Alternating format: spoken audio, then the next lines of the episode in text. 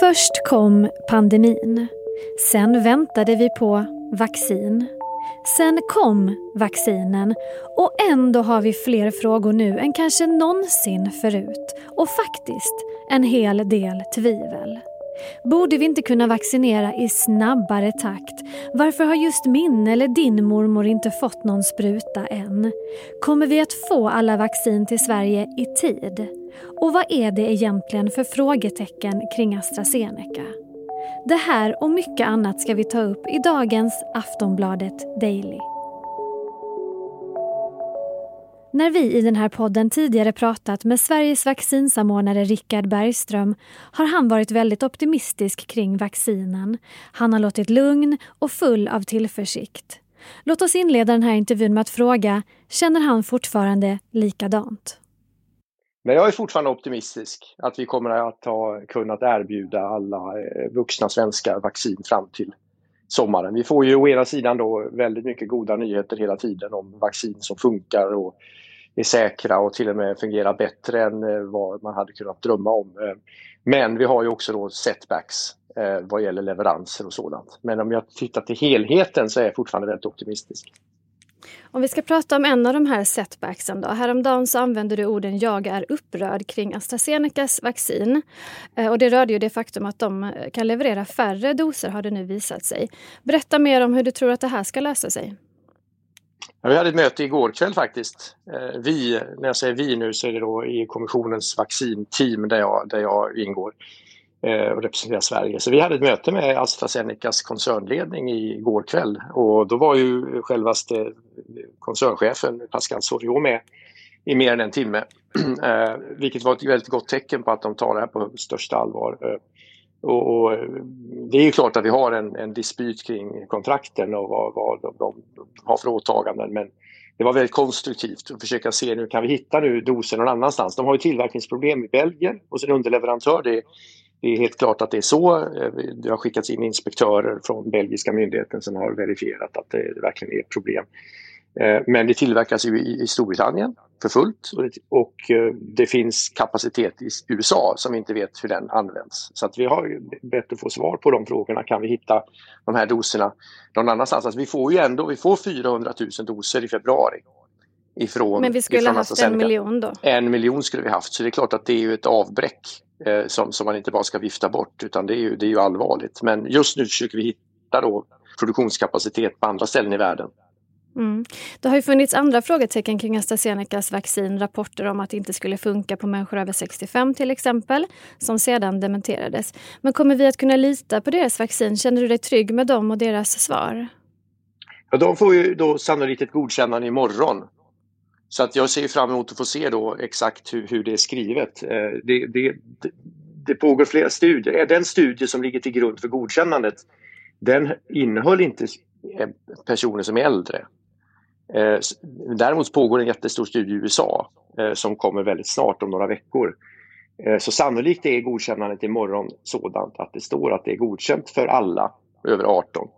Men att det är svårt att säga någonting om hur stor effekten är hos de äldre. Att det fungerar tror jag inte är någon tvekan om, men frågan är hur effektivt det är. Och jag menar, det är många som vill jämföra och man jämför de här olika siffrorna och så vidare. Så det faktum att man inte har en bra siffra för de äldre är, är naturligtvis en, en, en, eh, en, en, en brist i nuläget. Men jag tror att om någon vecka så får vi studierna från USA och då kan vi ha en bättre siffra på det här vad man kan förvänta sig för skyddseffekt. Vilka andra vaccin väntar vi på nu? Vi väntar på eh, resultat eh, vilken dag som helst eh, från Johnson Johnson Janssen. Eh, där också har vi fått besked om ett godkännande planerat den 7 mars redan eh, och leveranser snart därefter. Och det är dessutom ett vaccin som bara är en dos. Så att det är väldigt praktiskt eh, och dessutom bara kylförvaring.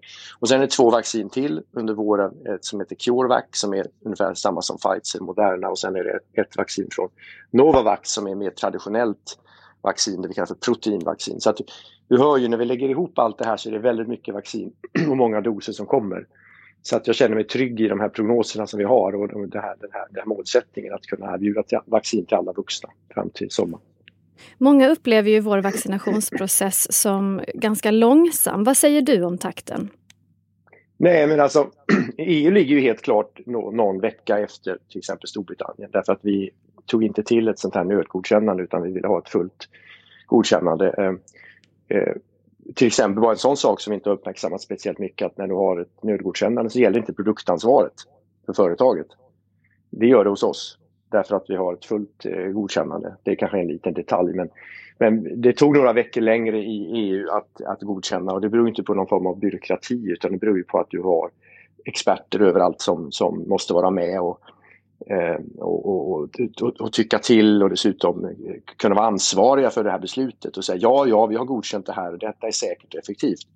Det är ingenting som någon annan har fattat beslut om. Så vi ligger lite efter som EU, det är helt korrekt. Däremot inom EU så får ju alla vaccin i samma tempo beroende på befolkningsmängden.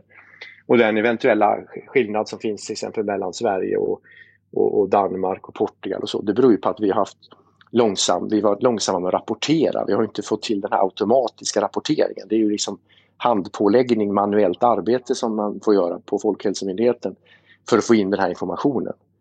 Eh, men jag upplever ju inte att det är vaccin som ligger och skräpar någonstans utan allting används ju så fort det kommer. Ja, där har också funnits en debatt om vilken strategi man ska ha. Om man ska spara vaccin så att det finns till andra dosen eller om man ska köra ut det man har direkt. Var står vi där nu? Ja, I början, första veckorna, så var det så att man sparade eh, den andra dosen för att vara säkra sidan. Men eh, sen har ju Folkhälsomyndigheten eh, rekommenderat att man inte ska göra det och jag håller helt med om det. Jag tycker att vi har sån stor tilltro till leveransen att man inte ska behöva spara hälften. Du får ett betydligt långsammare tempo i, i vaccinationerna om man systematiskt lägger undan den andra dosen. Så det finns ingen anledning att göra det. Nej, men det bygger också på att vi inte får några fler setbacks som du uttryckte det. Alltså fler eh, vaccintillverkare som plötsligt eh, meddelar att de inte kan leverera tillräckligt många doser. Ja, fast det är skilja på det här. AstraZeneca har ju inte, inte ens godkänt än och de har inte ens kommit. Och nu ger de en prognos som är då, leveransprognos som är hälften. Men det är fortfarande så att det kommer hela tiden. Det är bara det att det är hälften så mycket. Eh, så att det, det, det, får man skilja lite grann åt. Att när du väl har börjat få leveranser från ett företag så har vi tilltro till att det kommer fortsätta. Det kan bli någon liten variation från vecka till vecka upp och ner men det är också så att du har en viss tolerans vad gäller intervallet. Du måste inte ge exakt, exakt 21 dagar efteråt utan du kan vänta ytterligare en vecka. Så att så länge som du har liksom fabriker som fungerar och, och, inte brinner upp så att säga så, så kan man ha tilltro till, till ett ständigt flöde. Det kom uppgifter i veckan om att Leif GW Persson blev erbjuden vaccin från privatläkare. Vad säger du om de uppgifterna? Kan man köpa sig en plats i kön? Nej, det kan man inte. Och är det, är det så att det är någon som säljer vaccin så då är det något fuffens alltså. Eh, för det är så att vaccin ska vara gratis för medborgarna. Det är staten som har köpt in vaccin och det är staten som äger dem och de har kommit överens med regionerna om att eh, eh, de här ska ges utan kostnad till medborgarna. Så att de där vaccinen, om det dyker upp vaccin på det sättet så är det antingen så är det förfalskade vaccin eh, och jag tror inte att det kanske är sån jättestor risk i Europa än så länge men vi får se. I övriga världen så har vi redan nu förfalskade vaccin som, som erbjuds. Alltså det kan vara förfalskat, det kan vara försnillat om jag säger det, det vill säga från de som egentligen ska få det. Eller det kan vara rent av stulet. Så jag tycker man ska vara ytterst, ytterst eh, suspekt, tveksam alltså till att, att acceptera sådana erbjudanden. Det ska vara gratis och du ska få det från din region. Det kan vara en privat vårdgivare som gör det på uppdrag av regionen. Men att ha en privat marknad vid sidan om ska inte finnas. Är du själv vaccinerad? Inte än, men jag står i, i kön. Jag har anmält mig. Jag bor ju i Schweiz så att eh, där har man fått anmäla sig på nätet och det har jag gjort. Men det kommer säkert att ta ett par månader innan jag får något vaccin. Det finns ju fortfarande folk som tvekar till att ta vaccinet. Bland annat har vi uppmärksammat att det finns vårdpersonal som är väldigt tveksamma kring det här. Vad säger du till dem? Nej, men jag tycker att man ska ha ett open, eh, open mind. Eh, jag har hört flera stycken som har intervjuer med vårdpersonal som säger att men jag vill inte jag vill avstå, avstå nu för att jag kanske inte, det är kanske inte är så viktigt att jag vaccineras just nu. Jag menar, det är ju ett skäl, de är inte tveksam i princip till vaccin, men man tycker att jag behöver inte bli prioriterad. Och det har jag full, full respekt för. Jag hörde någon intervju med någon som sa att jag, jag har ju haft covid nyligen så att jag kanske har någon immunitet så varför ska jag ta vaccin just nu? Jag kan vänta några månader. Det är stor skillnad på den typen av tveksamhet och de som är genuint tveksamma till vacciner.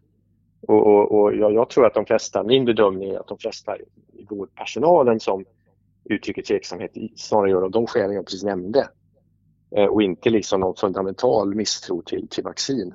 Eh, det, det, den, den bilden har inte jag. När man tar vaccinen så eh, kan det fortfarande vara så att man kan bli smittad och bära på smitta. När vågar vi lätta på restriktionerna? Kan en 70-plussare besöka sina barnbarn till exempel efter att ha fått båda sina sprutor? Alltså den som är vaccinerad är ju skyddad mot att, bli sjuk själv. Eh, så att den, den, den, den, din mormor eller farmor eller så eh, kan ju känna sig trygg i att, att eh, röra sig på ett annat sätt och bete sig på ett annat sätt. Och du är dessutom skyddad mot, mot svår sjukdom. Det är inte bara att du, du har ett skydd mot att bli, bli sjuk utan dessutom att du har färre fall av svår sjukdom. Så det är därför som det är högsta prioriteten.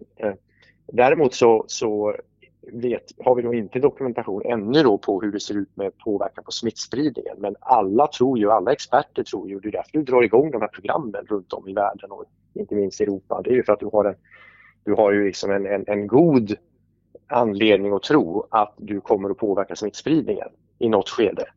Okay? Och exakt när vet vi inte, för det här studeras ju i realtid. Allt det här sker ju i realtid. Tillverkningen sker i realtid. Studierna sker i realtid. Så vi kommer att få data på hur det ser ut med, med, med, med smittspridning, huruvida man kan trots allt få covid och, och, och smitta.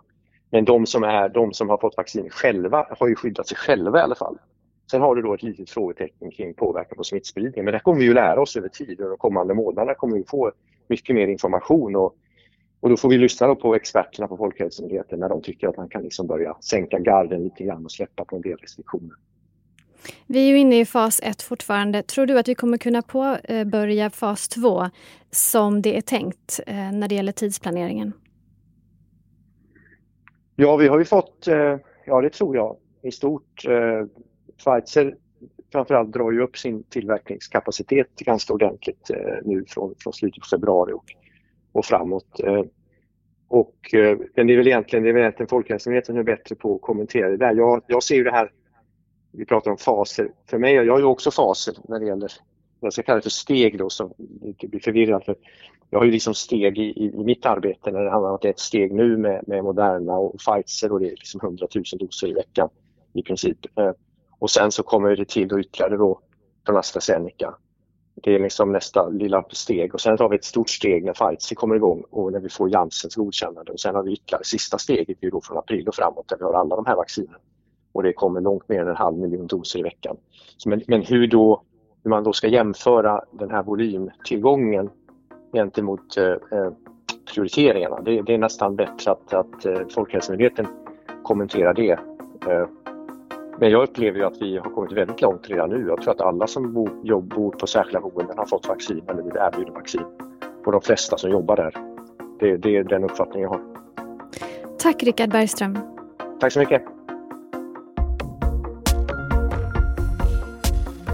Sist här hörde vi Sveriges vaccinsamordnare Rickard Bergström med på telefon från Schweiz.